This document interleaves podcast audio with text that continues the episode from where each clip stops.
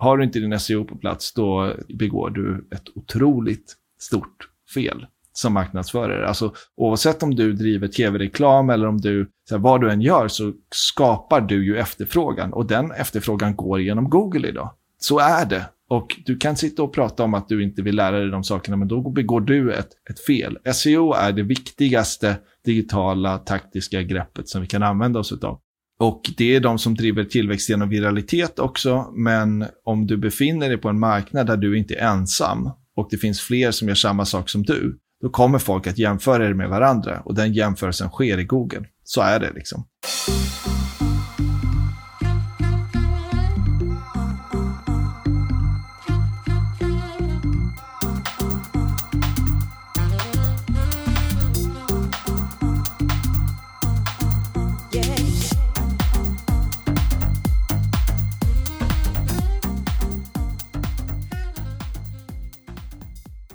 Välkommen tillbaka till Digital marknadsföring med Tony Hammarlund.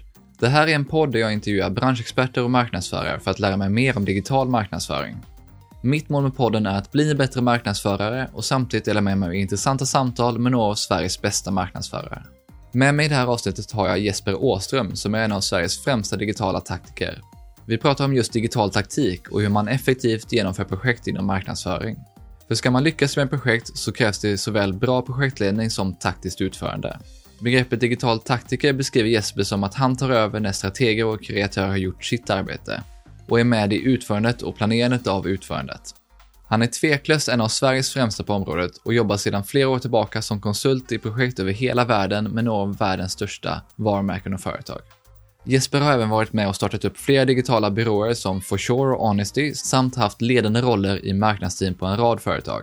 Jesper har även under många år föreläst och varit lärare på Hyper Island inom digital marknadsföring och growth, där han även varit med och lagt upp utbildningsprogram. Som om det inte vore nog så har han även skrivit boken The System som handlar om att sprida budskap, skapa nätverk och viral mekanik. En bok som du som lyssnare kommer kunna ladda ner helt gratis. Vi börjar avsnittet med att prata om hur Jesper ser på att leda och genomföra projekt inom marknadsföring och hur det skiljer sig från traditionell projektledning. Jesper förklarar bland annat vad som är viktigt att få på plats innan man startar ett projekt och vad många gör fel. Vi pratar sedan om olika tillväxtmodeller och system som Jesper använder för att driva projekt, vad som skiljer dessa och hur han väljer modell. Jesper beskriver sedan hur han strukturerar upp ett projekt och vilka faser han går igenom från start till avslut.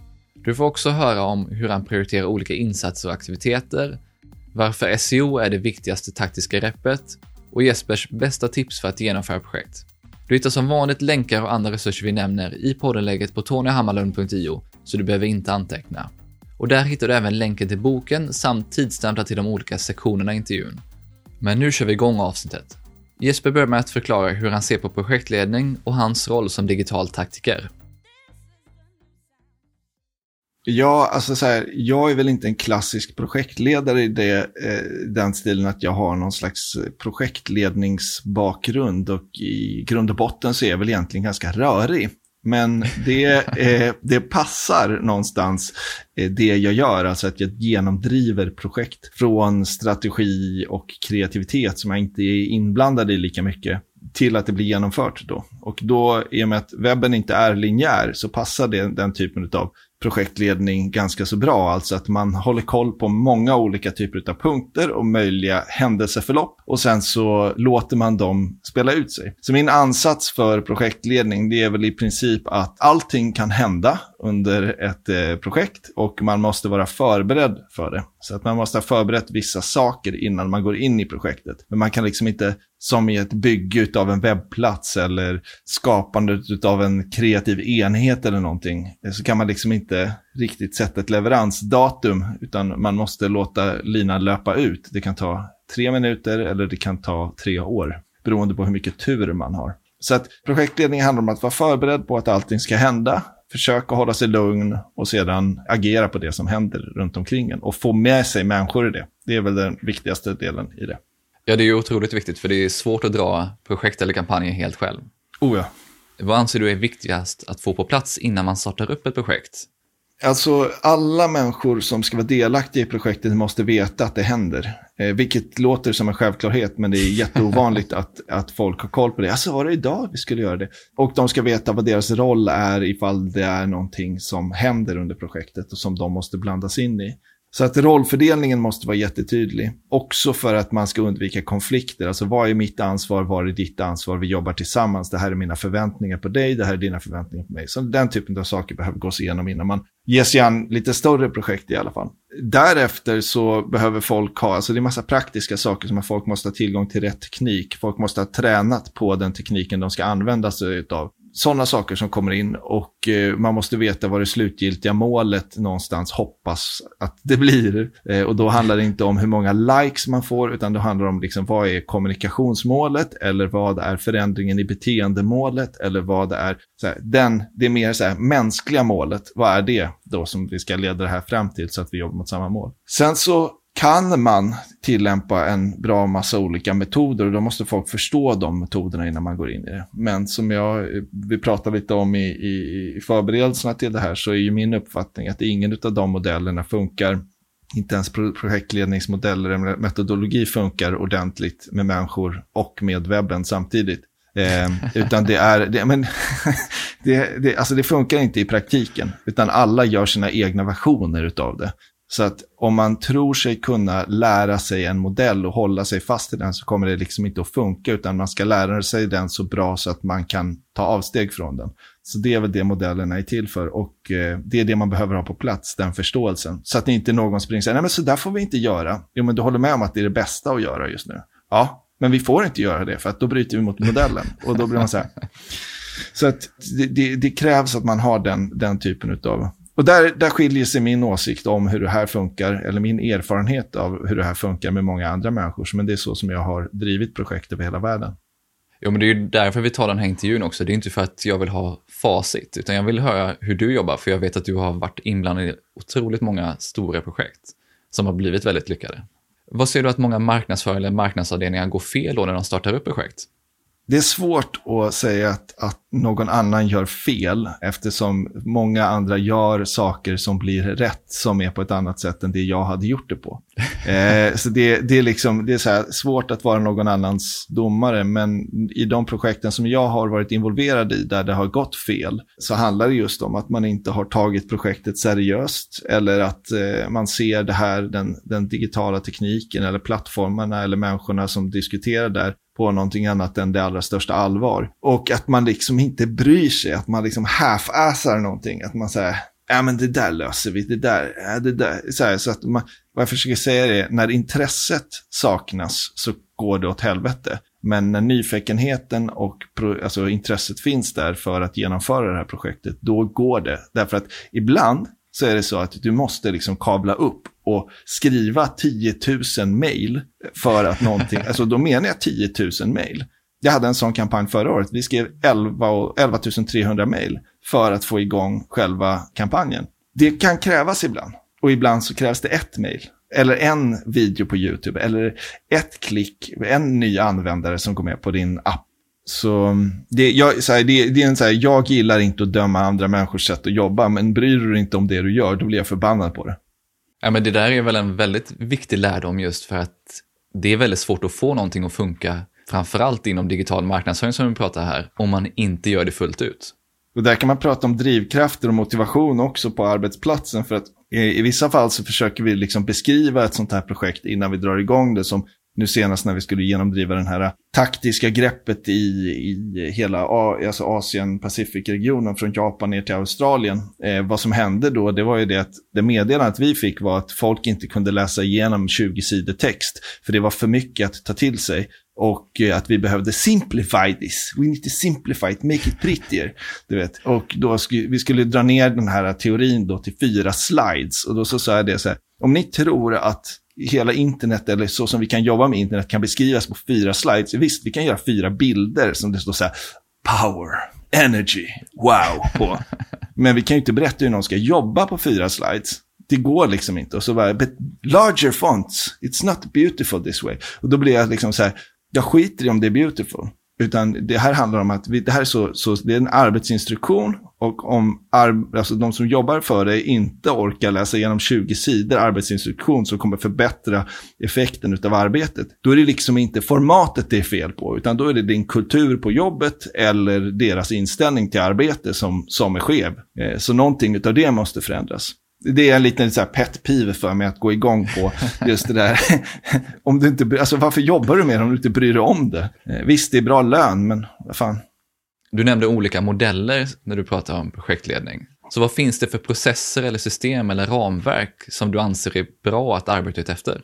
Alltså lite beroende på vilket projekt man ger sig in i så finns det ju tillväxtmodeller som, ja, men som lämpar sig mer eller mindre bra. Du har eh, alltifrån det här Pirate Metrics när man jobbar med growth som eh, har att göra med optimering. Den är väldigt datadriven och eh, det är den som man brukar ha så här eh, awareness, activation, acquisition. Det är en ganska linjär format för att eh, omvandla trafik till kunder. Om man har en lite mer innovativ process, alltså man har en ofärdig produkt någonstans lite tidigare i, om man till exempel befinner sig i någon slags transformationsfas och inte så säker på vad det är man gör, då har man modeller som Lean Analytics, kanske IDAS eller eh, om man ligger jättetidigt i, i den här fasen så har man en modell som heter SAMR som handlar om att, eller SAMR, som handlar om att man tar fram prototyper av nya produkter baserat på intuition och kreativitet och kanske data som insikt snarare än att man blir helt datadriven. Det brukar funka ganska bra när man ska omdefiniera en hel produkt eller bransch.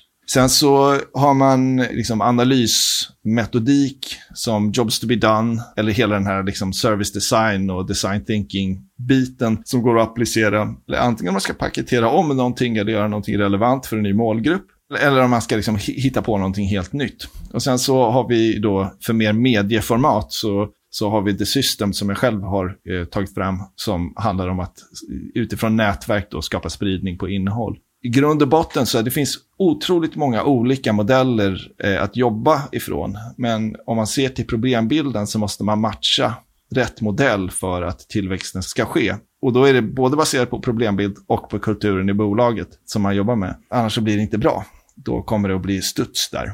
Men om du ska förklara lite mer, hur väljer du system och när passar de här olika? När jag kommer in i ett projekt så sätter man sig ner och så får man göra en, alltså få, få en första bild. Du ställer frågor till kunden eller den du jobbar med och så får du liksom en bild av hur deras organisation ser ut ifall beslutsfattare kommer finnas i rummet eller om det är så att om du jobbar helt på egen hand och sådär. Och min favorit, det är ju liksom antingen Lean Analytics eller The System. Om jag jobbar med marknadsföring så jobbar jag med Lean Analytics, om jag jobbar med medieprodukter så jobbar jag med The System. Så det är mina favoriter, men sen så räcker inte de till ibland för att driva, eller ganska ofta så räcker de inte till ibland. Och man behöver en enklare modell så som Pirate Metrics för att få igång arbetet i bolaget. För det är någonstans det enda jag har sett som är lika i alla bolag som lyckas, det är att de börjar jobba och börjar göra saker. Det är den enda liksom, gemensamma faktorn. Eh, de bolagen där det blir fast i liksom, valet av modell, det, det är där det går åt skogen. Det är svårt att säga på förhand vilken modell man ska välja, men det handlar om problembilden, det handlar om företagets eh, organisation och kultur och det handlar, handlar om vilka människor som ska vara involverade i processen och hur mycket de redan vet. Vad innebär de här systemen sen då för hur man sätter mål och vad det är man mäter och hur man följer upp saker och ting? Alltså om man jobbar med, med R, eh, eller med Pirate Metrics, så är det ju inbyggt i modellen, också Lean Analytics. Det är två stycken growth-modeller, tillväxtmodeller. Eh, det ligger inom så här, området growth marketing, man brukar kalla det då. Och då är varje steg en sån process. Den har KPI knutna, knutna till sig, som till exempel i awareness-fasen av Pirate Metrics, då handlar det om impressions, reach och frequency. När man kommer ner i acquisition, då handlar det om click-through rates och sådana där typer av saker. När det handlar om lean analytics, då handlar det i första fasen om att hitta någonting som heter empathy. Och då, det är kvalitativa mått för förståelse av produkten. Så att då handlar det om att få rätt typ av svar på frågor som vad skulle du göra om den här produkten försvann? Den typen av frågor. Så att det är mer så här kundlojalitetsindex eh, mätningar man gör på användarbasen då. När man pratar om SAMR så handlar det mer om att ta fram en prototyp och tiden från att man börjar ta fram en prototyp till så att den är klar. Eh, alltså den fasen, det kan ta en halvtimme eh, eller så kan det ta fyra månader. Men när man har kommit på det, att då eh, testa den och få gensvar. Blev det här populärt eller inte? Så det är den typen av Eh, mätetal man jobbar med. Det man kan säga gemensamt för alla de modellerna jag jobbar med, det är den här tanken att ett KPI är ingenting som, eller ett mätetal är ingenting som är statiskt. Det är inte 10 miljoner views på YouTube eller 800 000 besökare, utan det handlar om att hitta mått som hela tiden stämmer av om det man gör är rätt eller fel. Det finns en här klassisk saying som ett KPI som inte ändrar ditt beteende är ett dåligt KPI. Och det är någonstans grunden i alltihopa. Jag gör ett test, blev det bättre eller sämre? Ja, det blev bättre. Ja, men då ska vi fortsätta göra det. Vi gör ett test, blev det bättre eller sämre? Det blev sämre, då slutar vi göra det. Så att hela tiden så utifrån vad jag gör så ger de här mätetalen mig ett svar på om det var rätt eller fel. Det är de mätetalen. Sen så måste jag ju understryka det att det finns ju saker som är lite motsägelsefullt här, att det finns aktiviteter man kan göra på kort sikt som på lång sikt inte leder till varumärkestillväxt exempelvis. Och det måste man ha med sig in i projektet. Men det kan inte vara samma människor som mäter de sakerna, utan det får man ta i en, en öppen och planerad konflikt emellan olika intressen. Om man har valt modell att arbeta efter, hur strukturerar man sen själva arbetet och vilka faser eller steg delar du vanligtvis upp ett projekt i? Alltså, jag fick tänka lite på det här för att jag är ganska dålig på att dokumentera de sakerna. Men det brukar gå till så här att det är någon typ av problemformulering och sen så försöker man tvätta den problemformuleringen från förutfattade meningar så som att en fråga kan vara vi behöver en strategi för Facebook. Men det, det, det, det behöver de egentligen inte utan de behöver tillväxt i sin produkt. Och det är den egentliga frågan så då får man hitta den egentliga problembeskrivningen. Sen så är det val av tillväxtprocess då, och det är då vi tittar på kulturen i bolaget och organisationsformen och den här problemformuleringen som vi har tagit fram då. Och då kan det vara så här att vi ska lansera något och då är det system bättre, eller ska vi sälja något och då är Pirate Metrics bättre, eller beroende på vad det är vi ska, vad vi ska göra. Sen så handlar det ibland om att man ska skriva en brief och eh, den briefen måste vara fri från onödiga bias, alltså onödiga förutfattade meningar som inte gör briefen bättre och så måste den vara förklarande så att den byrån som tar emot den faktiskt kan göra någonting av den. Och det innebär att när man skickar iväg en kreativ brief så ska den inte vara datadriven men den ska kanske använda data som insikt i sig. Vilket är en så här jättestor missuppfattning som finns nu att allting ska vara datadrivet. Men somliga saker blir sämre för att de är datadrivna, så där man låter datan fatta besluten. Så som kreativa kampanjer där man måste lägga till magi på toppen av dem för att det ska funka. Och då behöver man en konstnär eller en kreatör som gör det. Och eh, de kan göra det på basis av en brief, men de kan inte göra det så helt låsta av en brief, för då blir, det, då blir det fel. Då chansar man för mycket på historien och tittar inte på framtiden. Efter det så handlar det jättemycket om att utbilda, att omvandla teorin till praktik, alltså att ta någonting som vi har och omvandla det till faktiska aktiviteter och då kan det bli så enkelt som Excel-listor. Jag gillar Excel och mail. Jag gillar inte Slack och projekthanteringsverktyg därför att där försvinner saker. Så det är så det blir. Och så kommer jag väl få spö för det. Det tar bara en massa tid när alla människor tror att man är tillgänglig hela tiden och det är man inte för då kan man inte fokusera om man jobbar på global nivå, efter man har gjort den här första delen, alltså från problemformulering till alltså faktiska aktiviteter man ska göra. Är det en stor global organisation då som man jobbar med, då är det oftast att man ska sälja in det här till de olika marknaderna. Så då försöker man hitta en eller två marknader som är mer positiva än de andra och så skapar vi ett exempel ihop. Så här, så här gör man, så här jobbar man med det här. Och sen när det är klart så försöker man sälja in det här till de andra organisationerna också. Och där någonstans så brukar de som är företrädare för det här, alltså de mogna marknaderna, de brukar ha producerat bättre resultat än alla de andra. Så då blir det intressant att att liksom vända sig till dem och i samma eh, skede som det sker så tar jag mig ur projektet. Liksom vid en lansering, när själva lanseringen är klar så försvinner jag ur projektet i takt med att det tas över av den som är eh, beställare. Så så går de projekten jag är involverad i till, eller till i. Ja. så, så, så går själva processen till. Hur utvärderar och avslutar du ett projekt? Eh, oftast så sker ju den utvärderingen löpande. Alltså vi vet ju, vi navigerar ju med hjälp av data längst med hela resan. Så liksom, utvärderingen sker, menar, du, du, du sammanställer en keynote i slutet av projekten och så gör man den klassiska rapporteringen. Men det är liksom inte den viktiga feedbacken, utan feedbacken är den som kommer längs med resans gång. Så idén är inte att man ska göra någonting, utvärdera det och säga att det var bra eller dåligt, utan det handlar om att implementera ett nytt sätt att jobba på och sen så blir man bättre på det hela tiden. Så det finns liksom aldrig någon slutpunkt egentligen. Så utvärderingen sker ju, ja den sker löpande.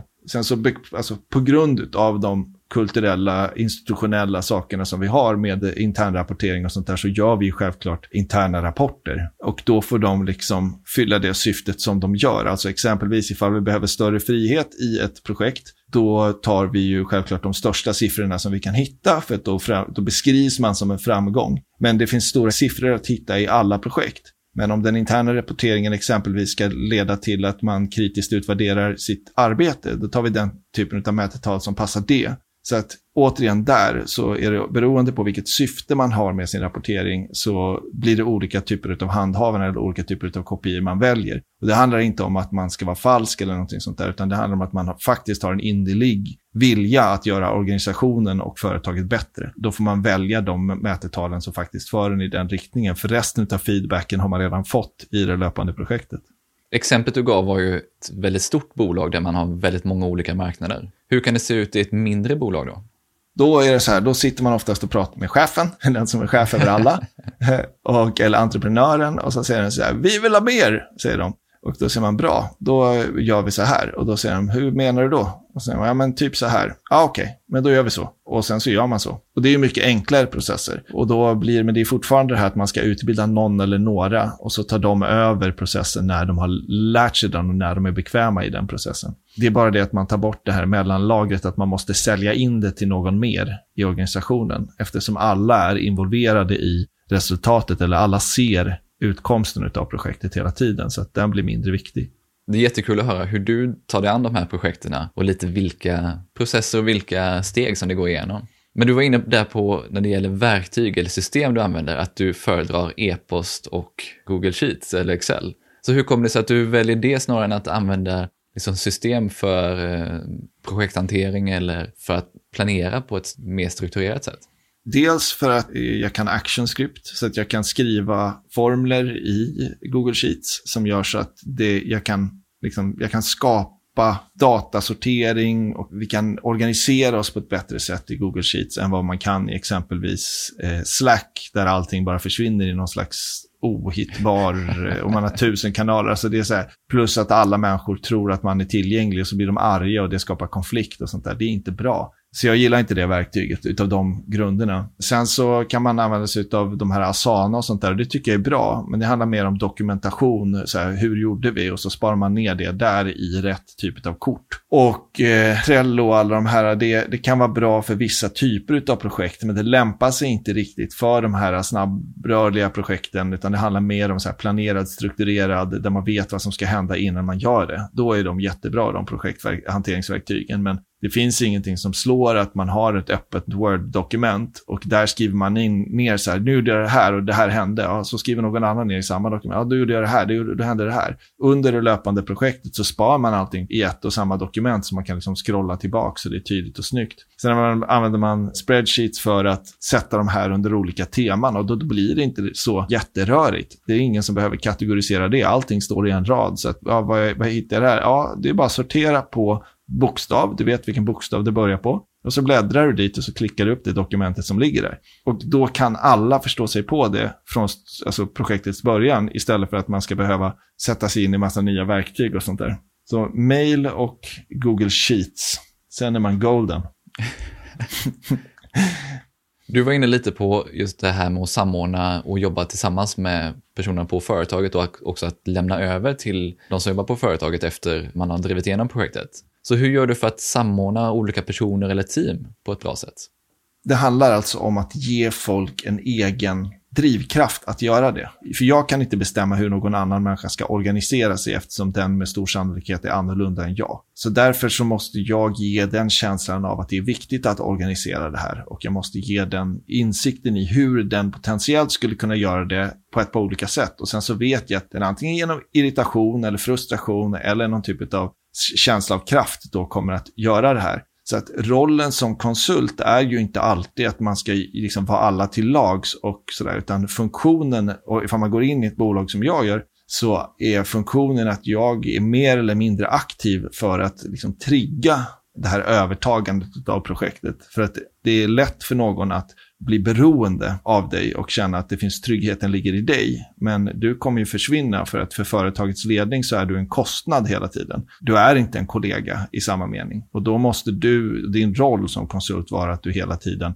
pitchar för det så att det du skapar också har ett eget liv efter att du har lämnat bygget ägarskapet. Ibland kan det bli så där till och med att någon så blir förbannad på en eh, för att de tycker att man har blivit en slacker. Eh, eller att man har, så här, men det är liksom, it's slacker by design för att det är ditt jävla ansvar nu. Resultaten talar för sig själv. Där man har gjort de sakerna på rätt sätt och man fasar ut sig själv ur organisationen och den kan bära utvecklingen själv efter man har fasats ut. Det är då man verkligen vet att man har lyckats. Och jag ska, alltså, på allt som är heligt, det är ju många gånger jag har misslyckats i de här projekten också. Det är liksom, det är inga, det är inga liksom vanliga projekt jag, jag gör, utan det är oftast någonting som innehåller ett stort element av risk. Och den risken bär ju jag, det är ju ingen i organisationen som behöver bära den risken. Utan då får man sparken eller så avslutar man projektet.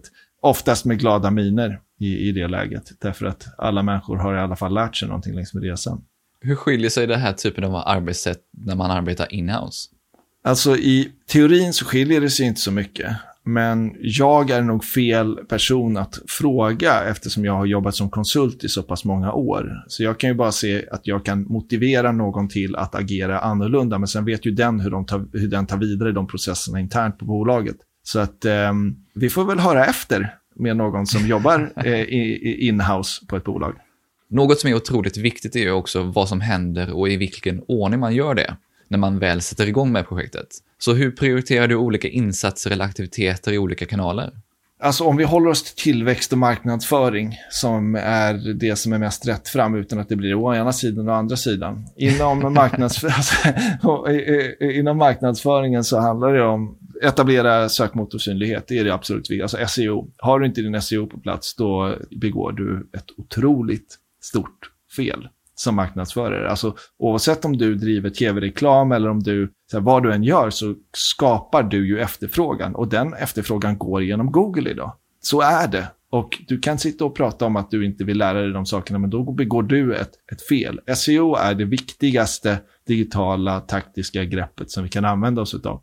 Och det är de som driver tillväxt genom viralitet också, men om du befinner dig på en marknad där du inte är ensam och det finns fler som gör samma sak som du, då kommer folk att jämföra er med varandra och den jämförelsen sker i Google. Så är det liksom. Efter SEO så har vi e-post och notifieringar. Alltså när du tar emot din trafik, när du tar emot dina användare så är det viktigt att de har en användarresa som inte bara är fram tills att de signar upp sig eller gör ett köp, utan den resan måste fortsätta därefter. Vi brukar prata om den bikoniska tratten, alltså en tratt som, som inte ser ut som den här vanliga konverteringstratten som ser, ser ut som ett V, utan man vänder upp och ner på det V också, så fortsätter den efteråt. Och den har att göra med ett par saker. Dels att en, en, användare är som mest villig att dela från att den har köpt någonting tills dess att den får det. Alltså från eh, promise till delivery.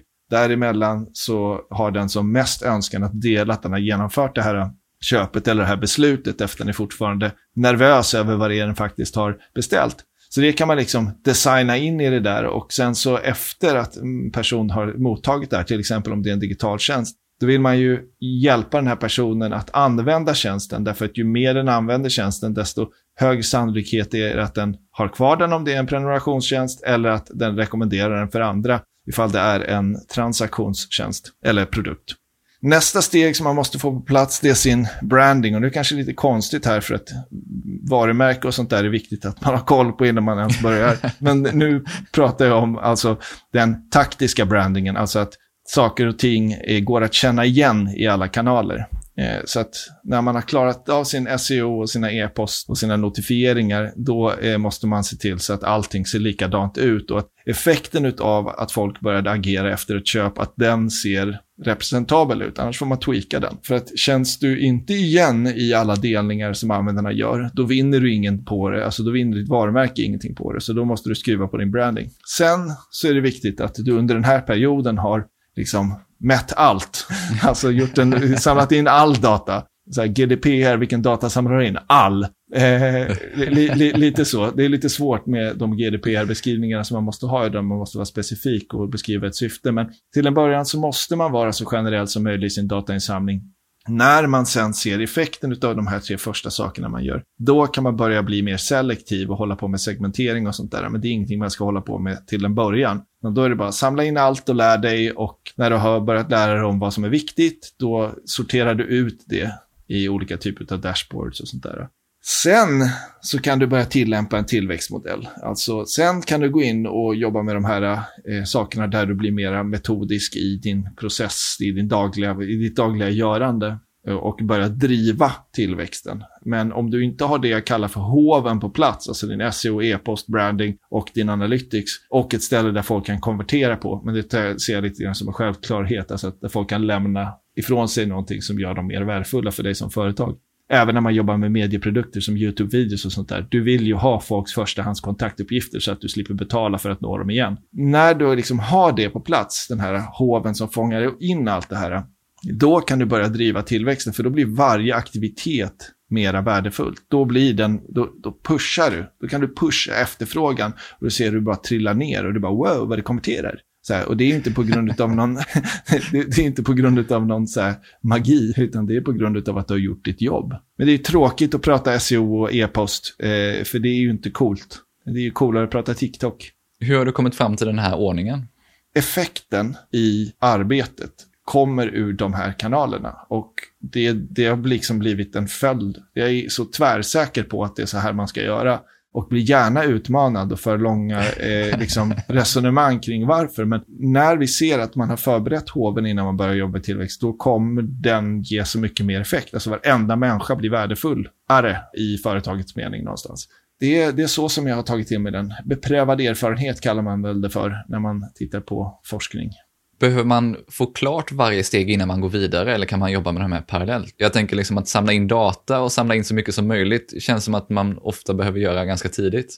Ja, den egna datainsamlingen blir ju viktigast när man om, man, om man måste välja så är det i den här ordningen som jag tycker man ska göra. Det kan man göra allting på en samma gång. Liksom. Men om man måste välja, om man måste prioritera så är det den här ordningen jag känner att man måste göra. det. Därför att den initiala datainhämtningen, den är extern, alltså det är från externa källor som man hämtar den eh, och eh, inte från något slags webbanalysverktyg, utan den hämtar man från externa källor. Så att då, visst man använder data, men man använder det inte på samma sätt som man gör sedan i själva tillväxtarbetet.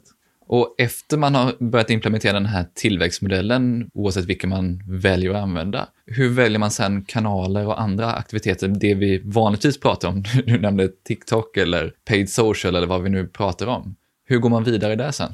Och nu kommer vi in på någonting som jag kommer säkert att brinna till lite kring, men vi är ett gäng fegisar allihopa. Därför att vad, vad, vi gör är att vi väljer att formulera frågeställningen som den enklaste frågan istället för att försöka hitta den enklaste lösningen på den svåra frågan. Och med det menar jag att jag ofta får frågor om att skapa en strategi för TikTok eller någon, någon sån här tjänst. Och att då inte utmana den frågeställningen, det är jätteproblematiskt. Därför att vi behöver ingen strategi för TikTok.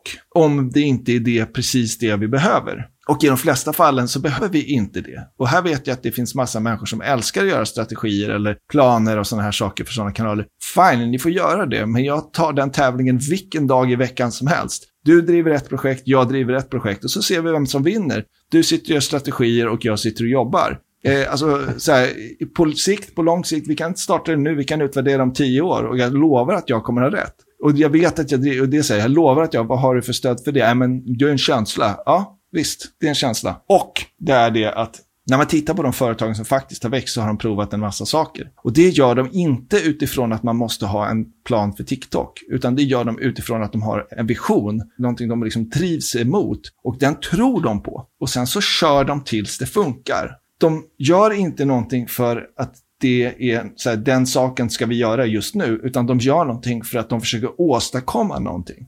Och om det är att vi ska vara på TikTok, vilket jag Gud förbjuder inte önskar att något företag tänker att de ska in där och jobba för att det är please leave that channel.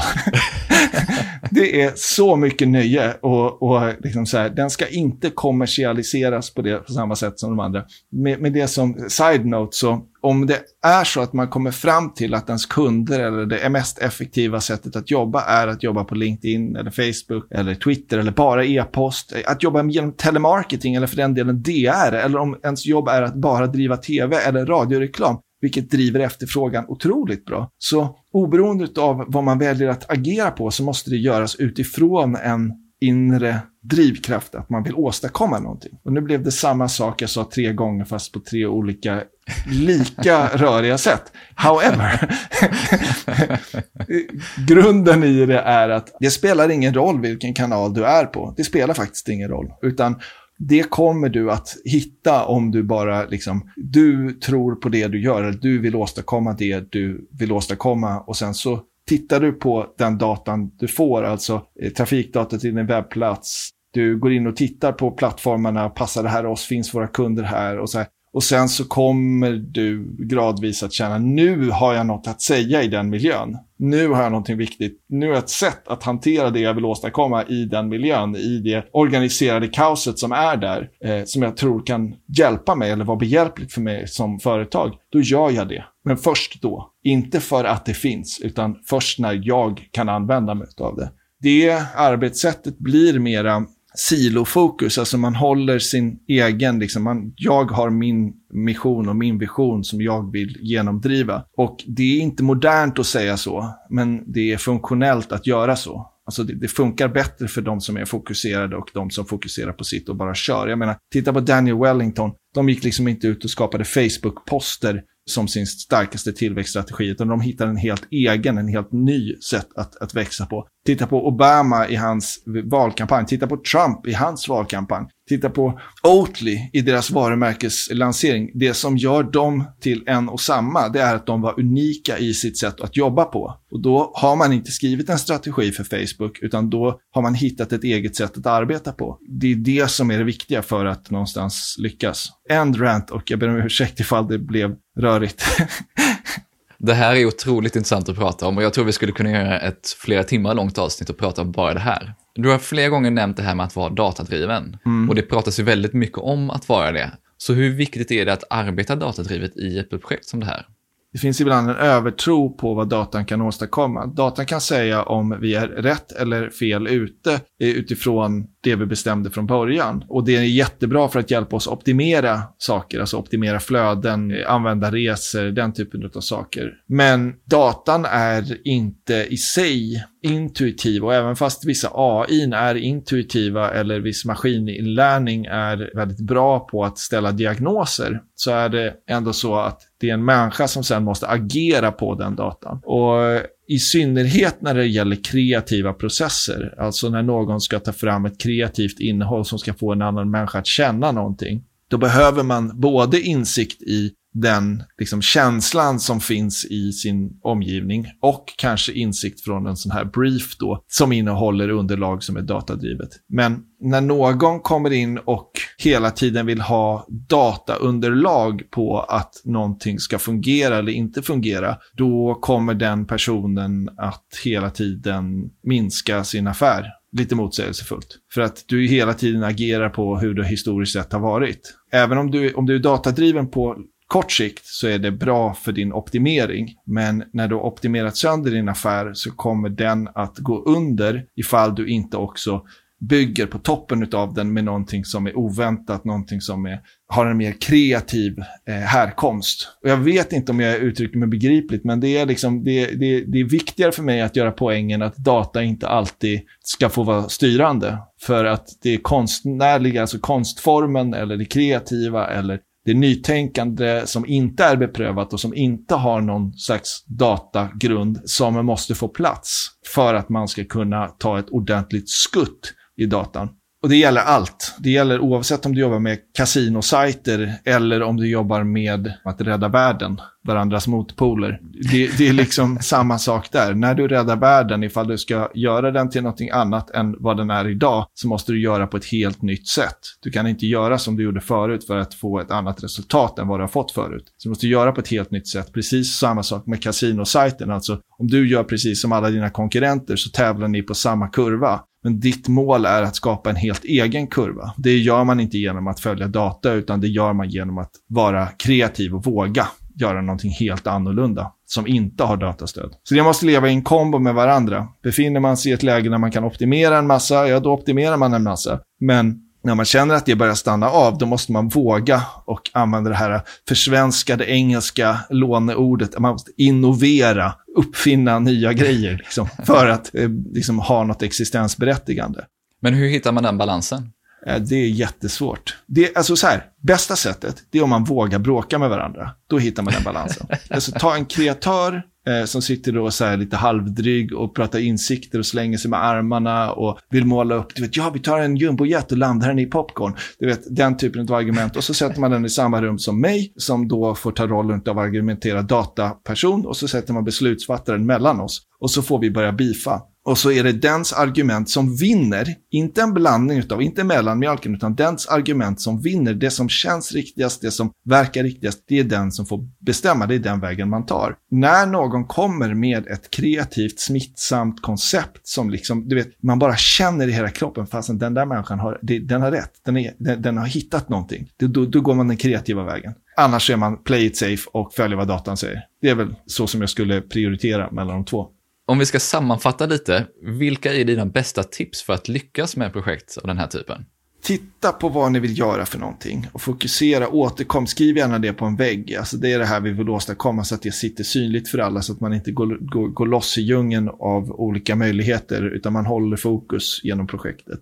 Man undviker benchmarks eh, och vänder sig inåt istället för att vända sig utåt. Alltså du tittar på vad är det faktiskt som händer runt oss? Vad är det våra kunder säger? Vad är det så här? Inte så mycket vilka trender som sker runt om i, i samhället utan mer så här, vad är det för någonting som vi vill åstadkomma åstadkomma och vad säger folk att vi är fel idag, vad kan vi bättra oss någonstans? Eller om man har en helt ny produkt då så vänder man sig till det communityt som man tänker sig ska liksom kunna vara navet i den här produktens tillväxt så, så tittar man på dem och så ser man så här, vad är det för någonting som vi ska kunna lösa, vilket problem är det och hur kan vi bli bättre? Då gör man någonting riktigt och så länge man har gjort någonting riktigt i botten så kan man skapa stories på, på det sedan. Så det är liksom första grejen. Sen så handlar det om lite så här kumbaya-grejer, att man ska tro på sig själv och att man måste liksom få, få känslan att det här måste vi göra. Och eh, det, det, det måste man liksom sätta och så måste man stå fast vid det för att ta upp en side-note till det som är jätteviktig i den här eh, diskussionen, det är en slags kultur kring ett begrepp som kallas för fail fast, som har liksom satt sig som någon slags sjukdom på idén om att tro på det man gör. Konsekvensen av fail fast-kulturen är inte att folk vågar testa fler saker, utan konsekvensen är att folk misslyckas och ger upp och tror att det är okej okay att ge upp.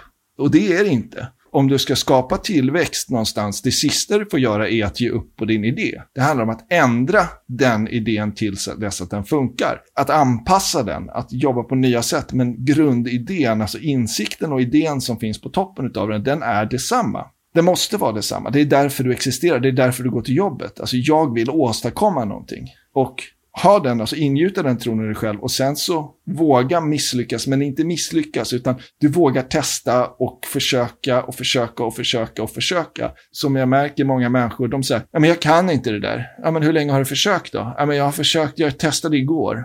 Ja men okej, okay. testa två år.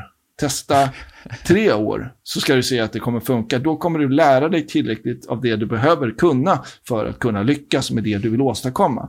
Men fail fast-kulturen har blivit någon slags idé om att ja, men vi gör lite AB-test och sen så, ja men det där funkar inte så vi testar nya, den nya grejen och så testar vi den nya grejen. Och så, så, så det funkar liksom inte. Så tro på det du vill, våga testa, men när, alltså misslyckas inte. Det är dåligt att misslyckas, för du kommer känna dig misslyckad. när, när, när du misslyckas med någonting som du faktiskt vill åstadkomma.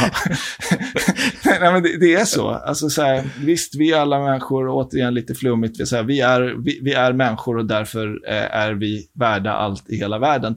Fast känslan av att lära sig att liksom ta sig dit man vill, den resan, den älskar man om man faktiskt tror på det man gör. Då får inte en kultur som fail fast få fäste i det, för att då är, finns risken att, att man ger upp och så börjar man testa någonting helt annat som man inte vill åstadkomma. Den här grejen med fail fast, att just ge upp, det är otroligt intressant. För det är väldigt få saker som lyckas första gången. Ja, ja väldigt, väldigt få. Jag var på väg att säga ingen. Jo, saker där folk har tur lyckas första gången. Vad behöver man kunna för att lyckas med allt det här då? Som marknadsförare? Ja, som marknadsförare så kan man lära sig allting när man ska göra det. Det är inte svårare än att man går in på YouTube och så lär man sig det. Eller så går man någon onlinekurs eller så gör man liksom... Det finns tillräckligt för att lära sig det man ska göra medan man gör det. Så rent så här taktiskt, funktionellt och sånt där så är det liksom träning som kommer att liksom leda till att man blir, blir bra på det här. Men personlighetsdrag som man ska träna på. Det är liksom nyfikenhet, alltså att man vill ställa frågor, att man vill gräva, vi, gräva djupare. Och jag tror att det gäller för alla kategorier av jobb som man gör. Jag vet de bästa säljarna jag har varit i kontakt med är otroligt nyfikna och ger inte upp. De ringer 13 gånger. Alltså sånt där jätteirriterande till en början, men sen så har deras produkt löst ens problem för att de lyssnade verkligen på vad ens problem var. Mod måste man träna och det är svårt att träna mod, men jag kan rekommendera yoga framför allt där. Och det låter flum, flum, flum, men yoga, träning, någonting som drar igång så att din kropp faktiskt funkar på rätt sätt, så att du kan behandla frågeställningar på rätt sätt, så att liksom maskinen som ska processa allt det här som händer, den är i toppskick. Så träning, hälsa, yoga, lugn,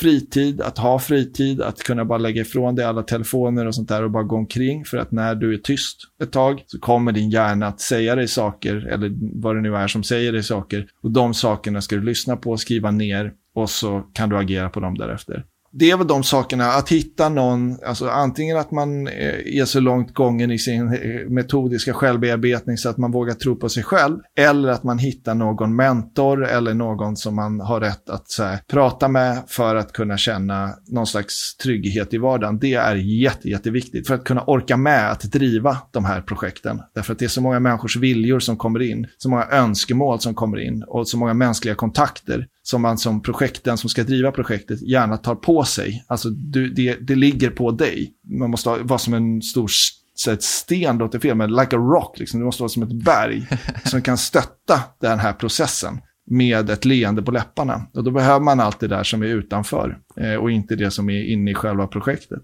Så det, det, är väl de sakerna som jag skulle rekommendera att folk gör. Anna, alltså allt det andra kommer de ju att stöta på och gå in i på, på webben. Det tror jag inte att de behöver så mycket hjälp med. Och om vi pratar om den här processen och det här systemet som du har pratat om här idag. Var hittar man bäst information om de här? Och de här tillväxtmodellerna och så vidare? Jag har nog aldrig sammanställt det, men det är så här, sök på Service Design Models eller Growth Canvas, Lean Analytics eller IDAS eller SAMR eller vad det nu kan tänkas. Alltså det finns så pass många så att det är så här, om du i en situation märker att den modellen du jobbar med är lite knölig och du måste liksom trycka in folk i den modellen för att det ska funka. Eller att utbildningsinsatsen blir för stor. Då så skulle jag söka på de problemen på nätet och scrolla tills jag hittar någon som har kommit på en modell kring det där som du kan använda dig utav. Och det där får man ju påminna människor om så många gånger, men jag tror att det är så viktigt att just sätta det att om det du jobbar med inte funkar så kanske finns en bättre lösning istället för att gå fast i nya mönster eller gamla mönster. Så att jag tror att det, det, måste man våga göra. Och så får man säga det, den här modellen som vi har försökt att lära er här, den funkar ju inte. Nej, kommer alla säga då. Eh, ska vi testa en ny? Ja, det ska vi göra. Bra. Så här, ingår det i samma budget kommer man få frågan då. Då säger man ja, för annars har vi inte lyckats med projektet. Och så testar man det nya sättet att jobba på och så brukar det oftast gå mycket bättre.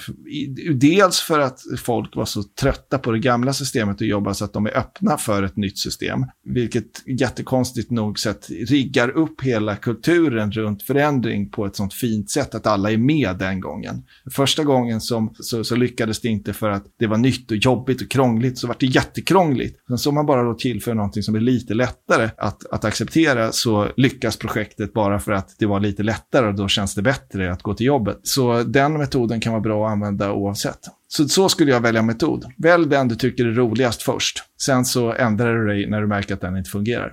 Det låter som ett fantastiskt sätt att hitta modell på. Innan vi avslutar skulle jag också vilja kolla, var följer man dig allra bäst om man är intresserad av att höra mer av dig? Det är snarare så här, hur blir man av med mig? Men YouTube är väl där jag har mitt hem. Och sen så, och då söker man på Jesper Åström så hittar man mig där. Jag är en gul gubbe med vita tejpbitar över munnen som passar sig väldigt bra nu under coronatider. Men det är min liksom symbol. Så att alla plattformarna så använder jag den symbolen som avsändare.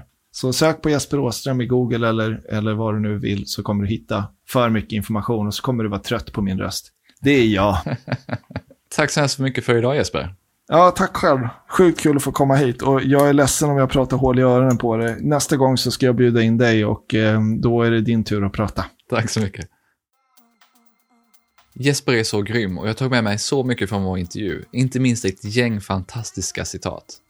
Som marknadsförare så blev jag otroligt inspirerad av att lyssna på Jesper och höra hans insikter kring hur man på ett effektivt sätt genomför projekt och når sina mål. Jag har som vanligt tagit mängder med anteckningar, men några av de främsta sakerna som jag tog med mig var 1. Att höra vilka tillväxtmodeller och system som Jesper arbetar utifrån när han planerar och genomför projekt. Och jag kommer djupdyka i alla de han nämnde. 2. Prioriteringsmodellen han delade för olika aktiviteter och insatser som behöver göras och i vilken ordning. Det var framförallt riktigt intressant att höra hur viktigt Jesper anser att sökmotoroptimering faktiskt är. Och 3. Hur Jesper tänker kring att arbeta datadrivet och hur man hittar balansen mellan det och kreativt tänkande. Jag tyckte också att det var riktigt intressant att höra hur Jesper ser på att göra saker halvdant och hur farligt det kan vara att köpa in på begreppet fail fast. Vilka tankar, idéer eller insikter fick du när du lyssnade? Skicka gärna ett meddelande och skriv vad du tog med dig och passa på att skicka en kontaktförfrågan till mig på LinkedIn. Du hittar som vanligt länkar till de resurser vi nämnde i poddenlägget på tonyhammarlund.io. Där finns bland annat länkar till bra resurser om de olika tillväxtmodellerna och du hittar även en länk där du kan ladda ner Jespers bok The System, helt gratis. Passa också på att kolla in hans projekt marknadschef.com och Jespers fantastiska YouTube-kanal som jag även har länkat till. Har du några frågor till Jesper efter att du har lyssnat så kan du ställa dem i kommentarerna direkt in i poddenlägget. Gillar du det här avsnittet och podden så vill jag som vanligt påminna om att prenumerera och tipsa gärna andra om podden. Avslutningsvis vill jag passa på att tacka Mikael på Newbreeze Music som hjälper till med att producera den här podden och stå för musiken. Vi hörs snart igen med fler intressanta gäster och ämnen.